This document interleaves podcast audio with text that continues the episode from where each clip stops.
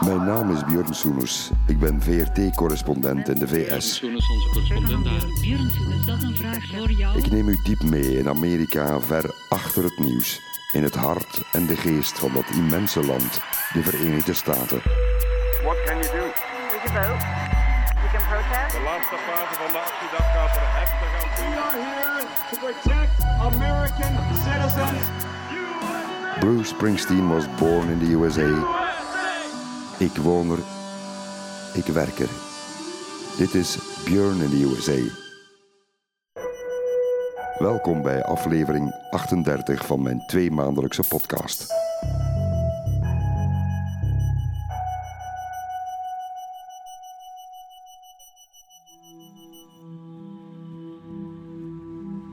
Angst behoedt ons voor zoveel dingen, schreef Graham Greene in 1960. Het is het leidmotief in het nieuwe boek van schrijver-journalist Robert D. Kaplan. Robert D. Kaplan keert terug in lijstjes met de meest invloedrijke denkers over buitenlandse politiek.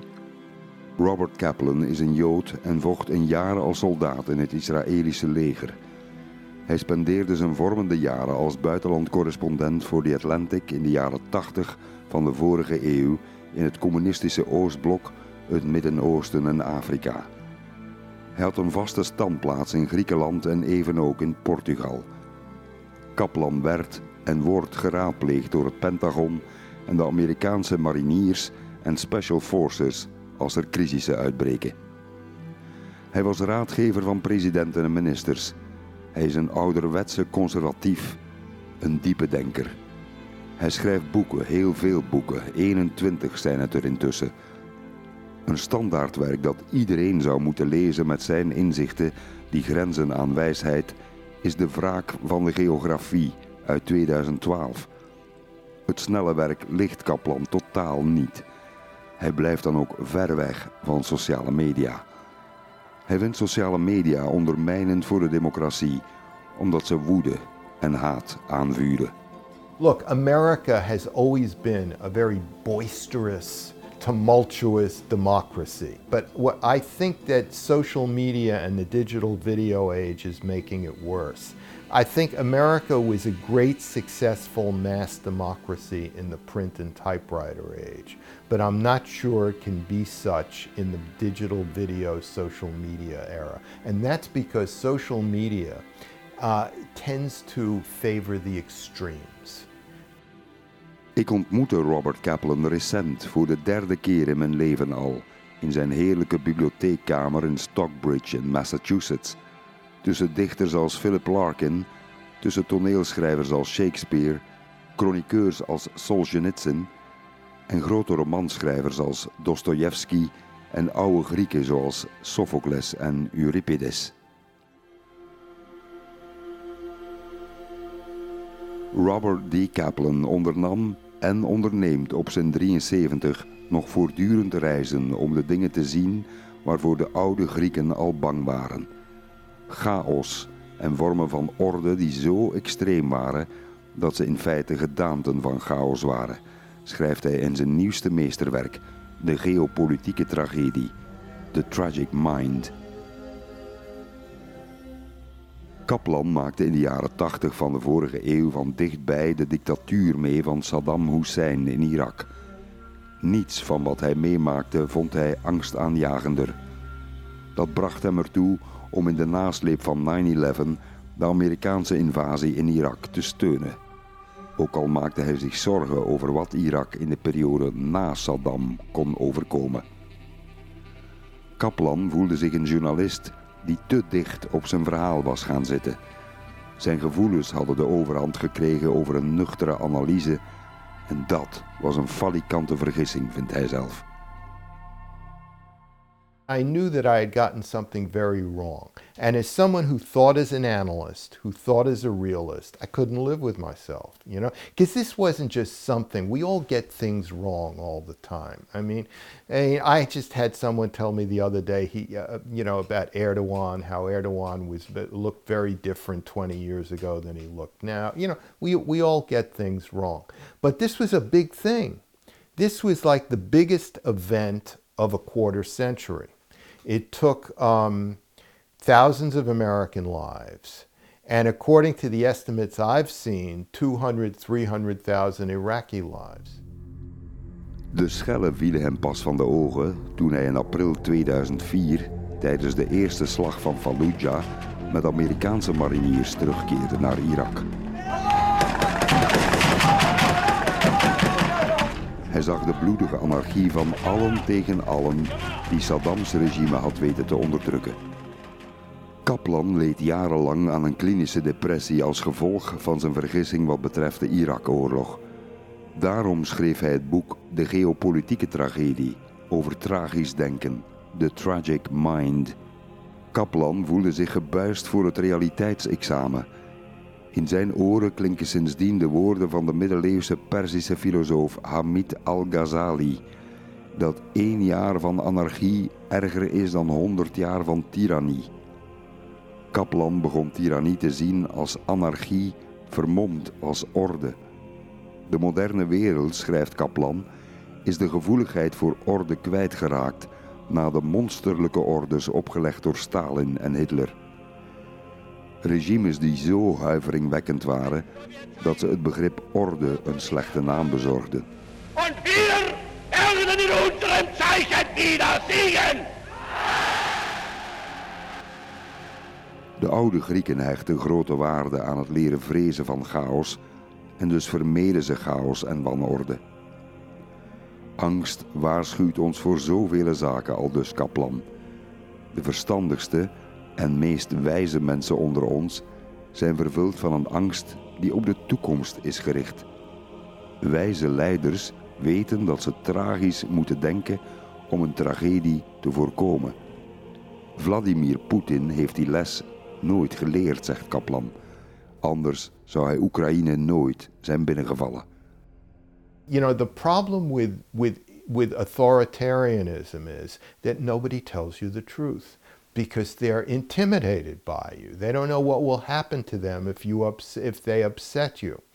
Um, so that's the problem with authoritarianism. That uh, uh, you, you know, it's very, very hard for an authoritarian leader to always get the truth out of his advisors. And by the truth, I mean what they really think, what their instincts really are at that moment.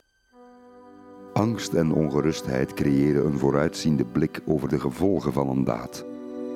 Tragisch besef is in feite inzicht. Het inzicht en zelfkennis die Kaplan uiteindelijk zelf verwierf in Fallujah toen hij besefte hoe fout zijn steun voor de Irak-oorlog was geweest. Volgens de oude Grieken houdt de tragedie niet de overwinning in van het kwade over het goede, maar is tragedie de overwinning van het ene goede over het andere goede. En dat brengt leed teweeg. Saddam uitschakelen was een goede zaak, maar het verdrong een groter goed, al dus Kaplan, namelijk een zekere mate van orde. Kaplan vindt Shakespeare een gids voor deze tijd. Over de overwegingen en innerlijke roerselen van politieke leiders leert Shakespeare ons ontzettend veel. Internationale politiek is geen harde wetenschap die voorspellingen oplevert. Het enige wat de studie ervan ons brengt, is inzicht dat kan worden verbeterd door de aardrijkskunde te bestuderen en de literatuur. Over de chaos van menselijke interacties en hartstochten. Het gevolg is dat grote gebeurtenissen in gang worden gezet door één enkel gebaar of door een terloopse opmerking tijdens een topconferentie, wat iets laat zien van het karakter van een politieke leider. I write at the very beginning of the book, it's all about maps until it's not, until it's all about Shakespeare. You know, what are maps? Geopolitics, moving pieces, Ukraine, Poland, uh, Russia, all that. What is Shakespeare?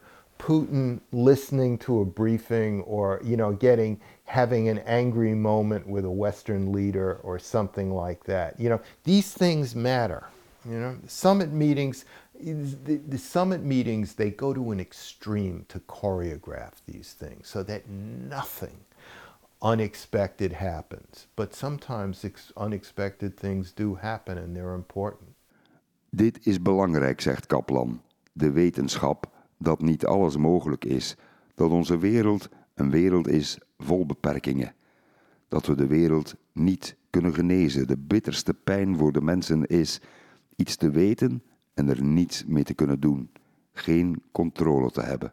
Because the world is not perfect. You know, many journalists expect the world to be perfect. They expect moral choice to operate all the time, but often it cannot. You cannot remedy the world. You cannot remedy the world exactly. Uh, sometimes you can, um, but usually you can't. Usually you have to work with the existing conditions. Um, again, Kissinger had this remark. He said, uh, "You have to. Tr- the problem is is balancing what is just with what is possible." And what is just is based on your moral values and your own country's moral values. What is possible depends on the thinking half a world away, you know, uh, um, often. And you can't have both. And that's the real um, tragedy, if you will, or the challenge of statesmanship.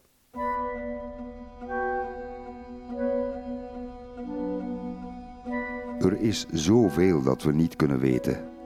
Aan de vooravond van zijn inval in Oekraïne tastte Vladimir Poetin in het duister en was de mist rondom hem dik, omdat zijn ondergeschikten en raadgevers uit angst voor hun president geen open gesprek met hem durfden aan te gaan. Alleen door een vooruitziende blik, ingegeven door angst, het besef dat de omstandigheden waarin we verkeren altijd ingrijpend kunnen wijzigen, ook ten kwade, leren we ons bescheiden op te stellen en koesteren we geen illusies. Daarom zijn ijdele en verwaande lieden ook vaak dwaze lieden. Het is zoals de filosoof Schopenhauer ons voorschrijft. Ongelukken groot en klein zijn het natuurlijke element in ons leven. De Holocaust en de Rwandese genocide waren dus geen tragedies. Het waren afschuwelijke misdaden op grote schaal. Tragedy is not the triumph of, of evil over good, because to that the ancient Greeks, Shakespeare had no answer to. Bosnia, Rwanda, the Holocaust, those weren't tragedies. Those were vast and vile crimes, period. Um, tragedy can be a number of things. It could be comprehension. You comprehend something finally, but when it's too late to affect the outcome. Tragedy can be the, the victory of one good over another good that causes suffering down the line in one way or another. It's like you have incom- you have morally just but incompatible goals and you can't do them all. You have to make a choice. And that choice itself causes suffering. That's tragedy. That's what the Greeks uh, um, uh, grappled with. Um, and tragedy is also not knowing. It's knowing that you don't know. Als mensen worden we geroerd wanneer we kennis nemen van groot onrecht, zelfs al kunnen we daar weinig aan doen. We kunnen zelfs een genoegen scheppen in onze eigen reactie, zegt Kaplan, en hij verwijst naar het slavenkoor uit de opera Nabucco van Verdi.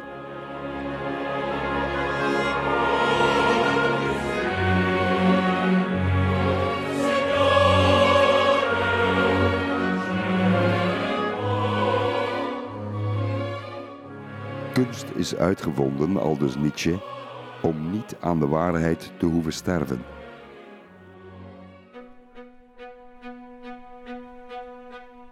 De staat komt voor de mensheid, stelt Kaplan.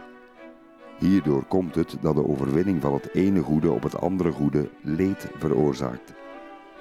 Dat is wat er onherstelbaar verkeerd is aan de wereld. De oude Grieken wisten dat de wereld niet kan worden gerepareerd. De politieke elite vertrouwt er nogthans op dat elk probleem oplosbaar is, maar als dat waar zou zijn, zou er ook geen tragiek bestaan. De tragiek ligt besloten in het moedige verbeteren van de wereld, in het volle besef dat vele pogingen vergeefs zijn. In een weerbarstige wereld gaat het dus niet alleen om streven naar rechtvaardigheid, maar om het streven naar het minste van twee kwaden. Zo richtte president Lincoln in 1864 willens en wetens enorm veel leed aan onder de burgers in het afgescheiden zuiden van de VS om het grotere goed, definitief een einde maken aan de Amerikaanse burgeroorlog, te verwezenlijken. Roosevelt verleende massamoordenaar Stalin militaire steun om die andere massamoordenaar Hitler te verslaan, het hogere doel. Tragiek is het aanvaarden van het minste van twee kwaden. Kaplan haalt fors uit. In de zomer van 2021 dachten president Joe Biden en zijn adviseurs niet tragisch genoeg over het terugtrekken van de Amerikaanse troepen uit Afghanistan, waartoe ze opdracht hadden gegeven. Over de doemscenario's was te weinig nagedacht. De aftocht was bij gevolg een en al chaos. Shocking scenes of desperation and chaos in Afghanistan are being seen around the world. People clinging to an American cargo jet as it takes off. Deserting Bagram Air Base when they did, um, uh, uh, you know, was very, very ill thought out. Uh, you know, that was, the withdrawal was a failure. Um, getting the U.S. out of Afghanistan may, in the middle and long term, be a good thing. You know, um, but the actual mechanics of it was, were a failure. Geopolitiek, het gevecht om ruimte en macht binnen een geografisch kader is tragisch. Geografie legt nu eenmaal beperkingen op. We moeten de wereld begrijpen zoals de Grieken of zoals Dostojevski. Zij weten dat wanneer het irrationele geen plaats krijgt, de mensenwereld domweg niet kan worden begrepen. That's right. That goes back to Dionysus, to Dionysus, in the age of Dionysus, because Dionysus is all about passion. You know, he's all about feelings. The Greeks were wise enough to know that not everyone is rational. They, they, they knew that there was an irrational side to the human spirit, a violent side. So the Greeks had to accept that because that was the way of the world. And the Greeks had to work with that and deal with that. Soms denken we ten onrechte dat alle moderniteit de menselijke natuur beschaafder of rationeler heeft gemaakt. Niet. Kijk naar Twitter en Facebook. De meutes en de samenzweerders vuren etnische en religieuze haat aan. De 21ste eeuw is weliswaar nog jong, schrijft Kaplan, maar toch hebben we al de militaire agressie van een nucleaire grootmacht meegemaakt, die aan de Tweede Wereldoorlog doet terugdenken. Kaplan verwijst andermaal naar Dionysos, de god van chaos en opwinding. Dionysus is a complicated Greek god. You know, wine, ecstasy, but also one of the things he's seen to be the symbol of is anarchy. Um, and uh, I write a chapter on uh, Dionysus uh, talking about how anarchy is actually worse than tyranny. This is one of the themes of the book. all right. And, uh, and the re- that's the real danger, and elites don't see it that way because very few elites have actually experienced anarchy. They know about dictatorship and tyranny because dictators are in the news all the time. And dictators are against the free flow of ideas, and elites deal with ideas all the time. So elites hate dictators, but anarchy is something abstract to them. You know, they've never, very few have experienced a place where nobody's in control and how, and how really frightening that can be. Woedende en angstaanjagende meutes de jodenvervolgingen begaan door de Kozakken, de massabijeenkomsten van de nazi's, Servische verkrachtingskampen, doodseskaders, bevatten allemaal elementen van het fanatisme, de vitaliteit en het dodelijke enthousiasme van de god Dionysos. De overwinning van chaos op de gevestigde orde laat zien dat het realisme ook oog moet hebben voor irrationele dingen. Wie onverbiddelijk en alleen maar rationeel is, is onrealistisch. Dat betekent dat in politieke crisissituaties ook de illusies van beleidsmakers een grote rol spelen. Denk maar aan de neoconservatieve opvattingen onder Bush Jr. dat de democratie aan het Midden-Oosten kon worden opgelegd. It is the long-term objective that is vital, and that is to spread freedom. Otherwise, the Middle East will be will continue to be a cauldron of resentment and hate er gebeurt veel wat niet wordt verwacht en onwaarschijnlijk lijkt.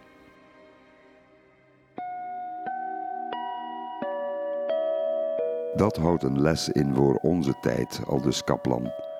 De schijnbare orde en regelmaat in het leven van de middenklasse bevordert de illusie dat de wereld voorspelbaar en goedaardig is. Een zelfgenoegzame houding is het. Weet u nog hoe iedereen verwonderd was toen Trump de verkiezingen won? A complete earthquake. This was an earthquake unlike any earthquake I've really seen since Ronald Reagan in 1980. It just came out of nowhere. Nobody expected. I mean, Zelfgenoegzaamheid is een soort dwaasheid, schrijft Kaplan. Ook superstormen, overstromingen en andere rampen zijn klimatologische equivalenten van Dionysos. Soms bezoeken de goden ons. De COVID-pandemie heeft ons wakker geschud. Elke andere houding geeft blijk van overmoed. We hebben de neiging de ogen te sluiten voor de verborgen realiteit. De beschaving heeft bedrieglijkheden die we liever niet zien. De hogere kringen zijn vaak blind voor wat in de duisternis leeft. Maatschappelijk succes brengt altijd met zich mee dat men het vermijdt om over de donkere aspecten van de menselijke natuur te spreken of er zelfs maar over na te denken. Onder de elite is sprake van deugdzaam pronken met betrekking tot de armen in de samenleving. En een met de mond beleden bezorgdheid over mensenrechten lijkt zelfs een noodzakelijk middel om carrière te maken in de hogere maatschappelijke kringen. Een verveelde elite, schrijft Kaplan, is beslist in staat tot onnadenkend dwepen met radicalisme. Dat is het punt niet. Het punt is, soms gooien werkende armen stenen door de ruiten van de elitaire wereld. En die elite blijft er vaak blind voor tot ze in het gezicht wordt geslagen. Dat is de eigenlijke betekenis van de verkiezingsoverwinning van Donald Trump in 2016. Het is een vorm van Dionysische toorn. Dionysos met zijn impuls tot desintegratie. Weet u nog hoe optimistisch we waren na de val van de Berlijnse muur ruim 33 jaar geleden? West Berliners gathered spontaneously to welcome the parade of nearly identical small, drab, communist built cars carrying smiling East Berliners. How do you feel? How, what are your feelings about coming? Super. Het gescheurde ijzeren gordijn zou leiden, zo verzekerde men ons, tot de opmars van democratie en een heilzame globalisering. Integendeel, de wereld bevindt zich in de grootst mogelijke wanorde. Verschillende landen in het Midden-Oosten zijn vervallen tot chaos. De grootmachten, de VS, China en Rusland, lijken zich langzaam te bewegen in de richting van een openlijke oorlog, terwijl sociale media etnische, raciale en religieuze tegenstellingen aanwakkeren. Dat we ons niet langer een openlijke oorlog tussen de grootmachten kunnen voorstellen, betekent daarom nog niet dat die niet kan uitbreken, want dat is in het verleden keer op keer gebeurd. Kijk maar naar Oekraïne nu. The 21st century will see great power conflict. Why? Because every century of human existence ever before has seen some variation of great power conflict. Why should the 21st be any different? So it's a And, uh, natural thing. It's a natural thing. Now, edging closer doesn't mean it'll happen. But clearly, with the Ukraine crisis, uh, it's tense between the US and Russia. And Xi Jinping has taken China in a very different direction than his predecessors have. You know, it's more, you know, he, he has amassed more power than anyone since Mao and is more Leninist and extreme authoritarian and aggressive than any Chinese leader since Mao. Al die zonnige aannames die we voor lief nemen zonder na te denken over de tragische gevolgen. Zoals de aanname dat het einde van de Koude Oorlog zou leiden tot een wereldwijde verspreiding van de democratie en de vrije markt. De aanname dat hoe meer de VS handel zou drijven met China en hoe rijker China zou worden, hoe democratischer en vrijer China zou worden. De aanname van de beleidselites dat de uitbreiding van de NAVO in Midden- en Oost-Europa zou leiden tot liberale samenlevingen overal en dat een democratische shocktherapie ook in Rusland zou leiden tot democratie en kapitalisme. Quote non. Dionysos zou zich weer wreken toen etnische en religieuze oorlogen uitbraken op de Balkan, in het Midden-Oosten, in Afrika en toen er een nieuwe koude oorlog uitbrak tussen de VS en China en tussen de VS en Rusland. Het is heel goed mogelijk volgens Kaplan dat Rusland zich na de val van Poetin ontwikkelt tot een democratie, maar alleen als een gevolg van een chaotisch proces en niet van buitenaf opgelegd. In other words, I'm not ruling out democracy in Russia or any place. But what we've learned over the last quarter century is, is it's very difficult to impose it. Uh, two places where it was imposed and it worked was Germany and uh, Japan after World War II. But remember, those were extraordinary circumstances. The Allied armies had completely destroyed uh, uh, uh, Germany. They had arrested or killed the entire leaderships. Both countries were starting from scratch, and so you could invent any system you wanted. Also, both, both, both countries had highly developed uh, middle classes and bourgeoisies. They had social stability of a very high first world order, uh, you know, that is necessary for democracy to work. De spanning tussen beschaving en barbarij is eigenlijk constant. De barbarij zit in ons. Het ontbreekt de politieke elites aan een diep gewortelde angst voor anarchie en wetteloosheid. Orde komt dan ook voor vrijheid, stelt Kaplan. Een controversieel idee en Kaplan beseft dat. It's not the way Americans think, you know.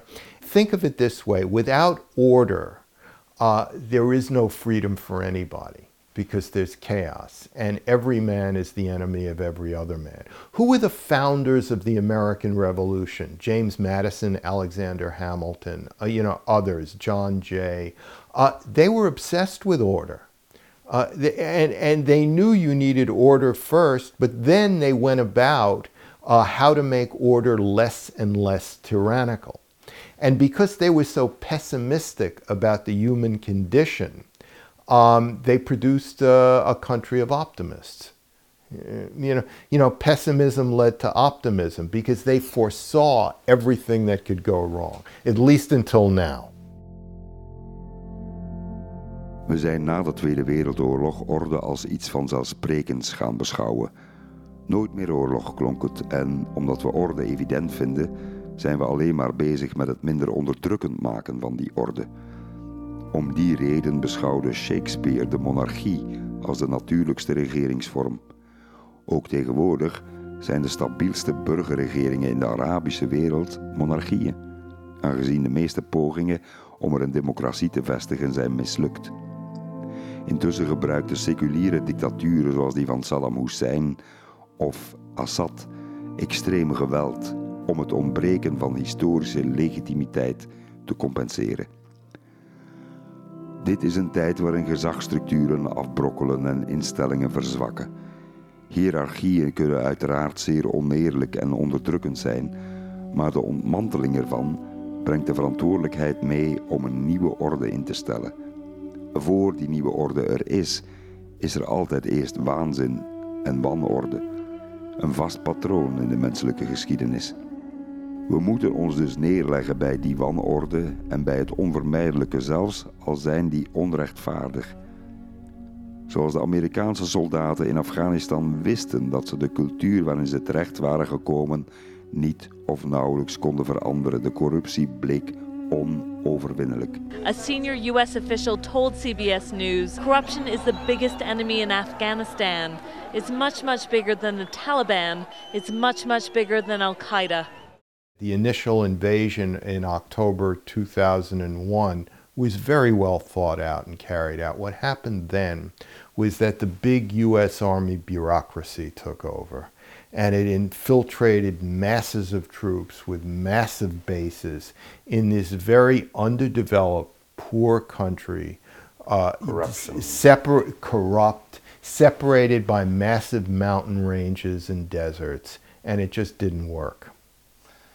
As to Afghanistan, you're also right that the Taliban, in a sense, brought order to the country. Well, originally they did in the mid in the mid to late 1990s. They did. They arose because of total anarchy in in Afghanistan. Total, complete breakdown of order. And this is the mid 1990s, um, and so people turned to them.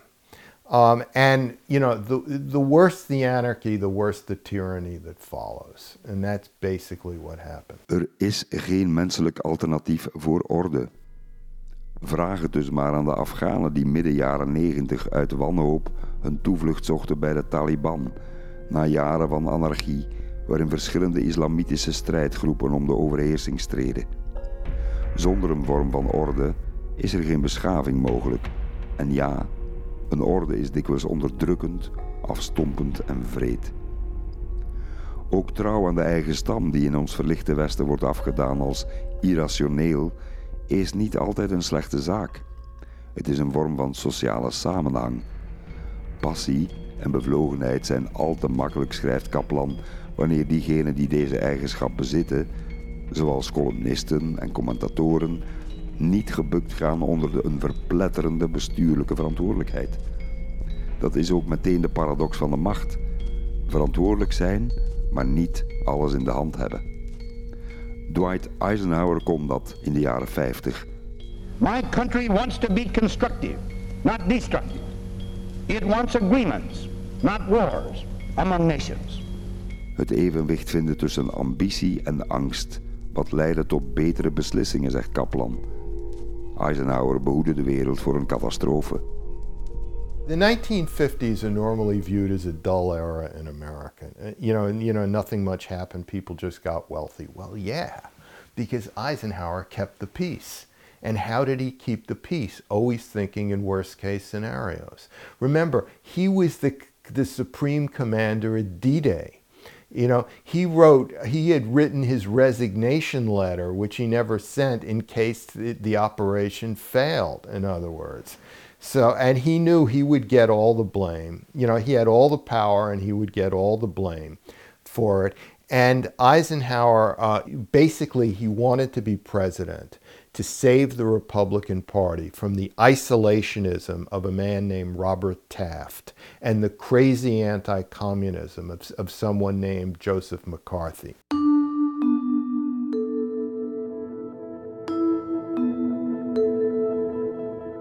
Het was de angst voor een onnodige nieuwe oorlog, zonder ambitie weliswaar en uitermate naïef, die Chamberlain in München toegevingen liet doen aan Hitler in 1938. I had another talk with the German Chancellor, Herr Hitler. We regard the agreement signed last night as symbolic of the desire of our two peoples never to go to war with one another again. De grote oorlog kwam er anderhalf jaar later toch, met de inval van Polen in september 1939. The responsibility lies on the shoulders of one man. By his latest act of naked aggression, Hitler has committed a crime not only against Poland, but against the whole human race.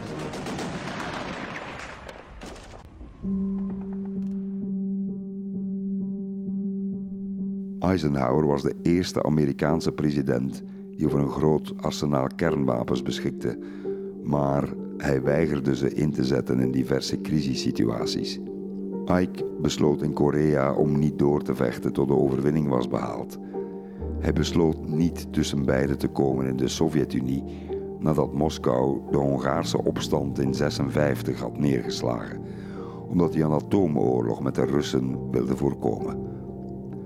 Eisenhowers aanpak wordt constructief pessimisme genoemd, angst gemixt met ambitie. Eisenhower believed in the middle way. So when there were crises over islands in the Taiwan Strait and Eisenhower was advised to use nuclear weapons, he said no. You know, Eisenhower was the first president to have a whole arsenal of nuclear and hydrogen bombs and never to use it during eight years in power. He set the precedent for the whole Cold War. Um, uh, people said he should he should go to war against uh, the, the Soviet Union because they invaded Hungary. Terrible thing, invading Hungary. Eisenhower said no. You know. And he stopped the Korean War at a given He moment. stopped the Korean War, even though he could have gone on to total victory. In other words, he was it was it was cautious, middle of the roadism. Uh, if you know, you know, he, he satisfied nobody, but he kept the world from nuclear warfare. Kaplan schrijft en spreekt over de verschrikkingen van oorlog. Het gevaar gedood of verwond te raken en de voortdurend knagende angst dat het ook effectief kan gebeuren. Oorlog is onvoorstelbaar walgelijk, schrijft hij. Kaplan beschrijft hoe hij voortdurend bang was in Fallujah in 2004. De chaos van het constant uit verschillende richtingen komende geweer- en artillerievuur, vermengd met het stof en de as. Alleen diegenen die nooit een oorlog van dichtbij hebben meegemaakt, kunnen zich de luxe veroorloven er met een rein geweten voorstander van te zijn. Ach, een eer als oorlogsreden? Hmm. Kan de eer een been aanzetten? Nee. Of een arm? Nee. Of de pijn van een wonde wegnemen? Nee. Wat is eer? Een woord? Lucht, zegt Falstaff in Henry IV van Shakespeare. Julius Caesar van Shakespeare gaat over brandende eerzucht, evenals afgunst, een van de belangrijke drijfveren van mensen, vooral onder heersende elites. Iemands karakter is uiteindelijk doorslaggevend, zegt Robert D. Kaplan, en uiteindelijk belangrijker dan kennis of expertise.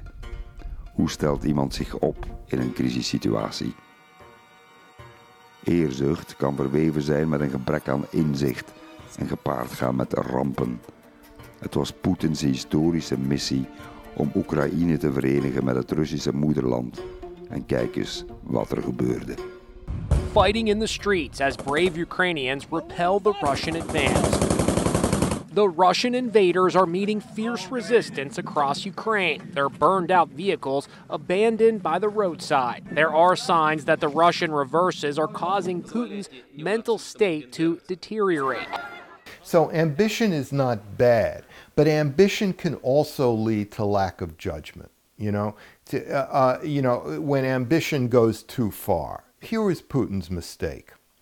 Um, he had a lot of small wars which he did well at. Uh, uh, um, uh, you know, whether it was Syria, whether it was uh, North, o- South Ossetia, other places, the Wagner Group in parts of Africa. He did, what, but those were small conflicts where he could use special forces, mercenaries, basically well-trained, well-motivated, well-paid people.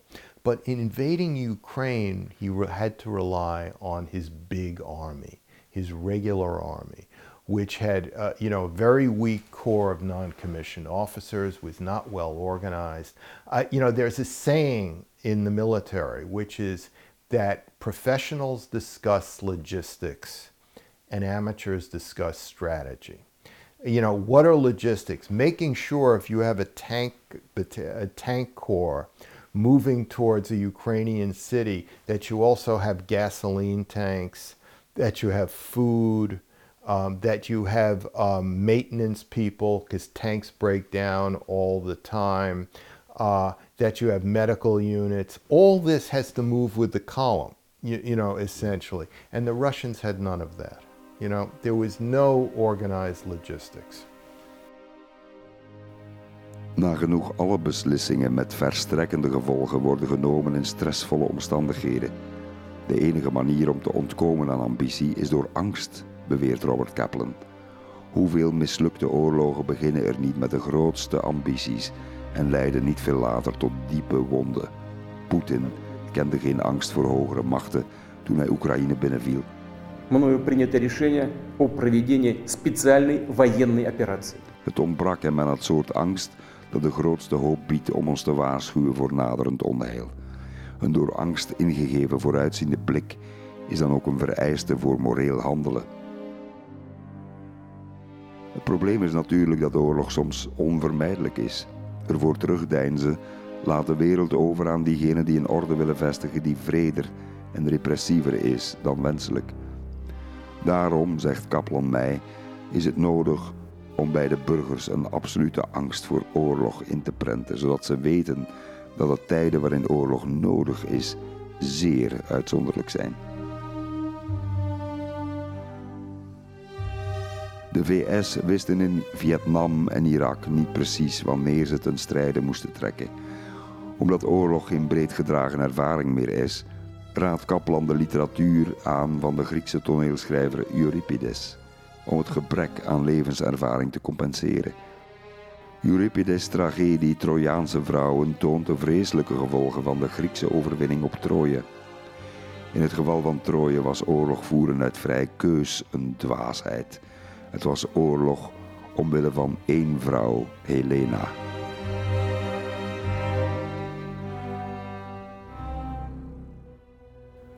Ook de terugtrekking van de regering Biden uit Afghanistan in de zomer van 2021 legde de harde waarheid bloot die volgens Kaplan 20 jaar aan pijnlijke kletspraat niet kon verhullen.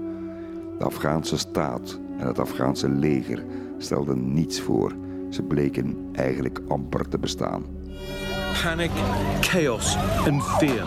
After nearly 20 years of conflict, the speed at which the US backed forces collapsed has been breathtaking. De zware last van kennis en macht. Wie een verantwoordelijke positie bekleedt en afschuwelijke waarheden kent, moet zijn waardigheid bewaren, ook al is hij een slaaf van de massa, beweert Kaplan. Terwijl de daden van de leider achteraf zullen worden beoordeeld, handelt hij op het moment zelf slechts op grond van de feiten voor zover die hem bekend zijn. Zijn besluiten zijn onherroepelijk.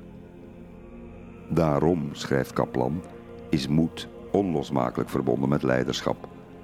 De waarheden die wij journalisten uitspreken zijn niet de waarheden die de machthebbers proberen te verhullen, maar vaak waarheden waarvan ze zichzelf maar al te goed bewust zijn, maar waarover ze in het openbaar niet kunnen spreken of niets aan kunnen verhelpen uit vrees een bepaalde situatie alleen maar te verergeren. Wij journalisten, zegt Kaplan, vleien onszelf nogal graag met de gedachte dat we de macht confronteren met de waarheid. Maar de werkelijkheid is aanzienlijk ingewikkelder. Er is geen zwaardere belasting voor de gemoedsrust van de leider dan de wetenschap dat hij duizenden landgenoten en nog veel meer burgers voor niets heeft laten ombrengen. Uit de last van de macht vloeit daarom tragisch leiderschap voort. Het verdrijven van Saddam uit Kuwait was een triomf voor George Bush de oudere. De vervolgoorlog van zijn zoon twaalf jaar later was een ramp. Overmoed leidt vaak tot catastrofes. Soms is het belangrijk iets niet te doen om een groot staatsman te zijn. Het opmerkelijke voorbeeld daarvan is George Herbert Walker Bush, president tussen 1989 en 1993.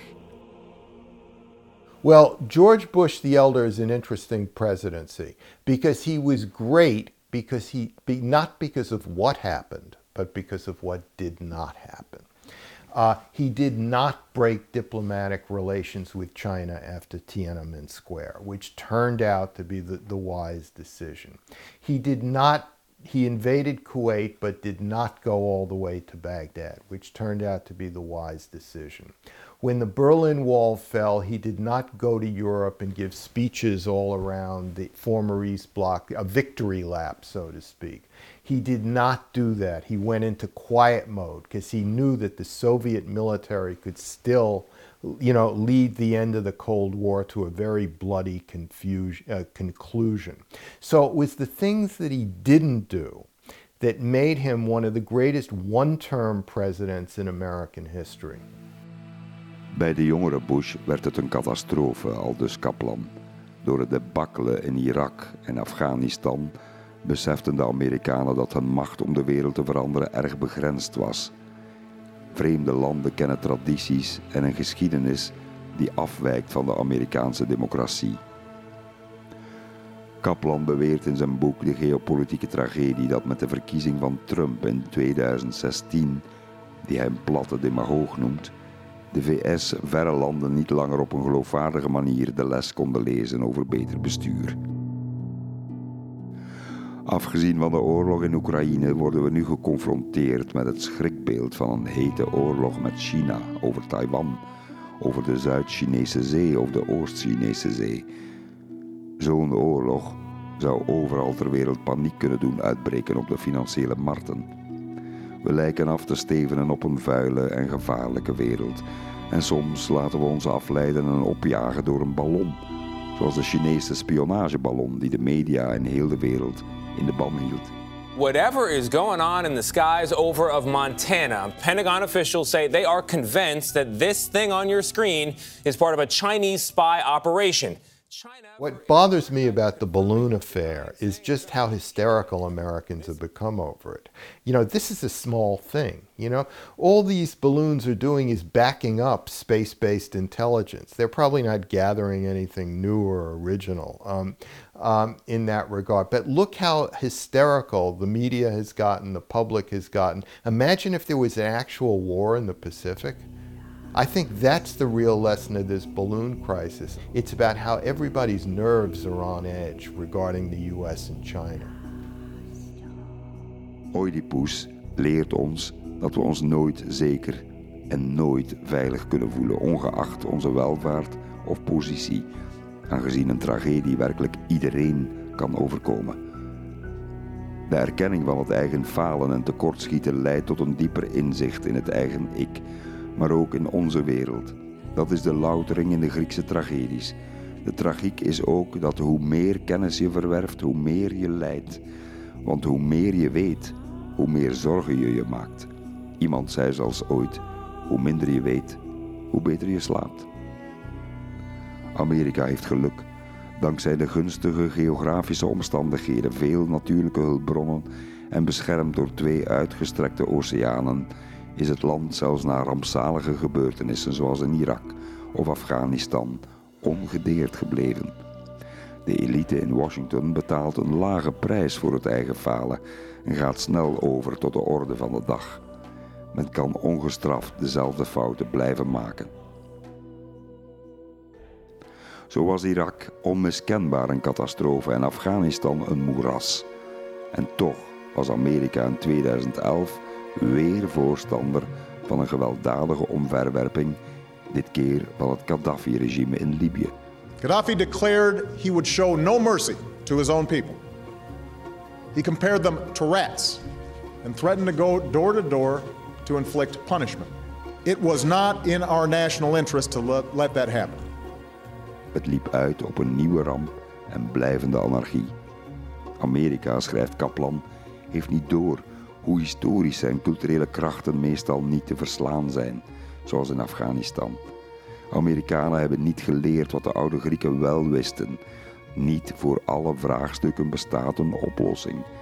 En daarom net moeten we de wereld aanvaarden, grotendeels zoals hij is.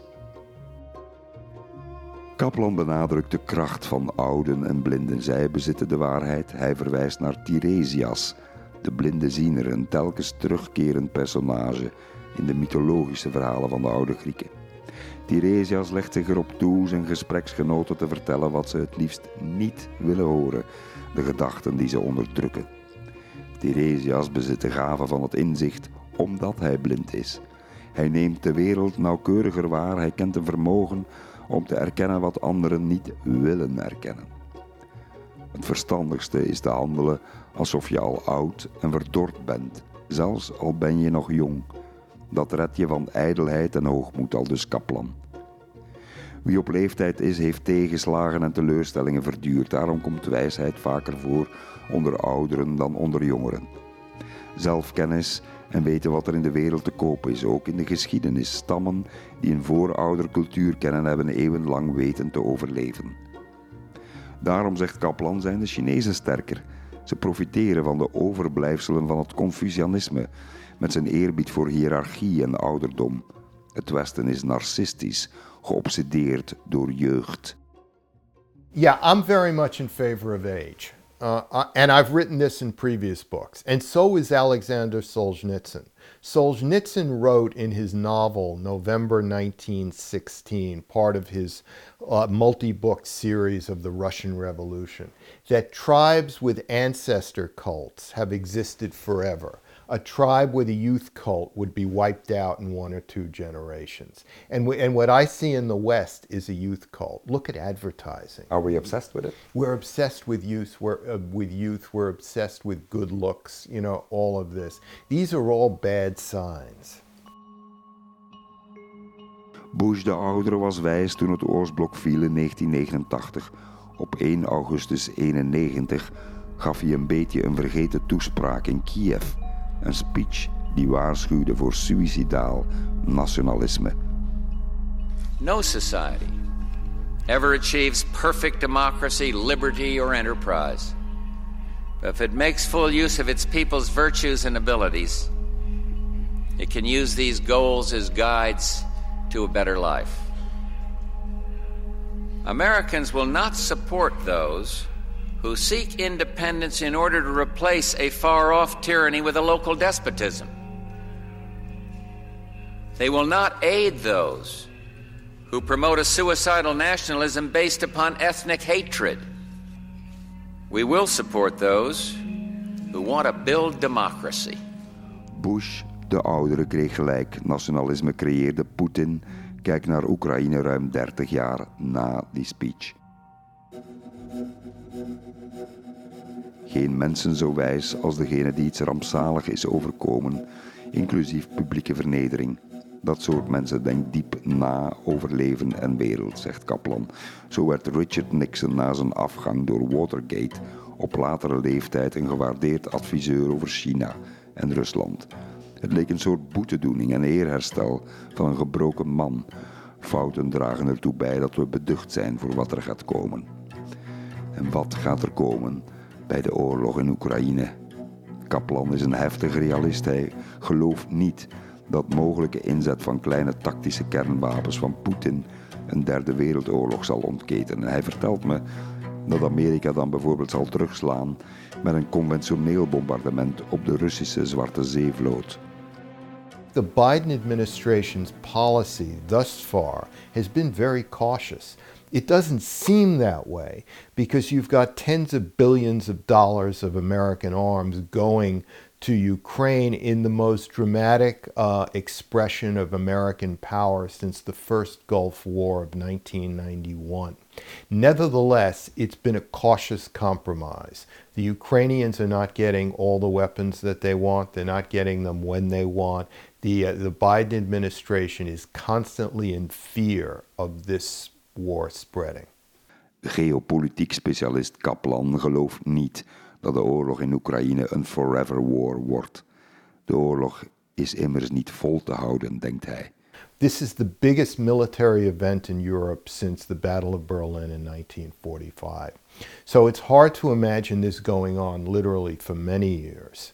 However, World War I changed the 20th century because it went on for four years and killed almost 20 million people. Um, had World War I ended in 1915 or 1916, it would have been an entirely different result. There probably would have been no Hitler or anything. So your question is the most important one to ask. That if this goes on, say, for another year, another year, it is going to have profound changes, such as the collapse maybe of the Russian Empire and the Caucasus and Central Asia and the Russian Far East in places, because I don't see how Russia sustains this over a long period of time. What I focus on is Russia has lost, what, 100,000, 200,000 men so far? That's enormous. That's really enormous. They're basically throwing bodies out there, badly trained conscript bodies out there. You know, I don't know how long this can be sustained.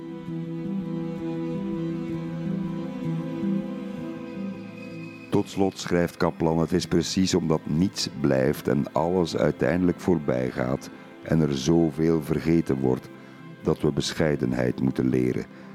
Na het graf is er niets. Na de dood is er niets. We all worry. We all have crises that tear us apart and keep us from thinking at night. But there was a, a great Roman writer, Hesiod, who said that, you know, when you get into moments like this, keep a level head because, because soon, you know, at some point you will die. Your life is just a crack in eternity between everything that went on before and everything that goes on after that you will have no knowledge about essentially. So while you're there, keep a level head. Deal with your problems, but don't, uh, you know, don't get too upset. Onze enige verlossing bij leven is liefde, toewijding voor andere menselijke wezens, hun pijn voelen en hun verdriet, hun vreugde, hun blijheid. At the end of the day, all we have is the people close to us. Thank you so much. Thank you. Liefde is wat overblijft of rest als al de rest is weggeschaafd. Nostalgie is precies dat. Liefde en de herinnering eraan. Dat is ons leven en de beperking ervan. Dat is tragiek.